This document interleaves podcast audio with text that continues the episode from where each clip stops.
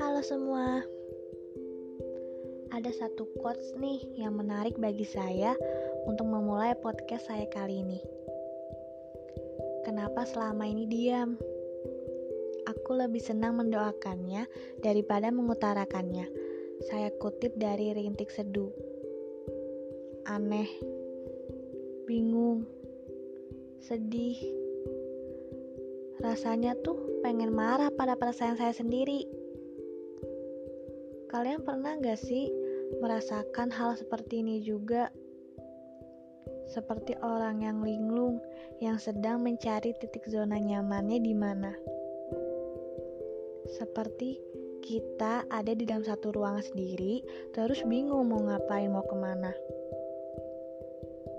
Seharusnya yang mengerti perasaan kita ya kita sendiri, bukan orang lain.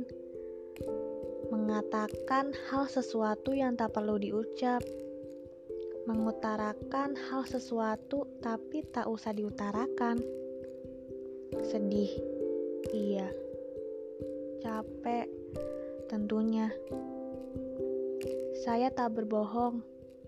Tetapi tak semua hal harus diceritakan, bukan?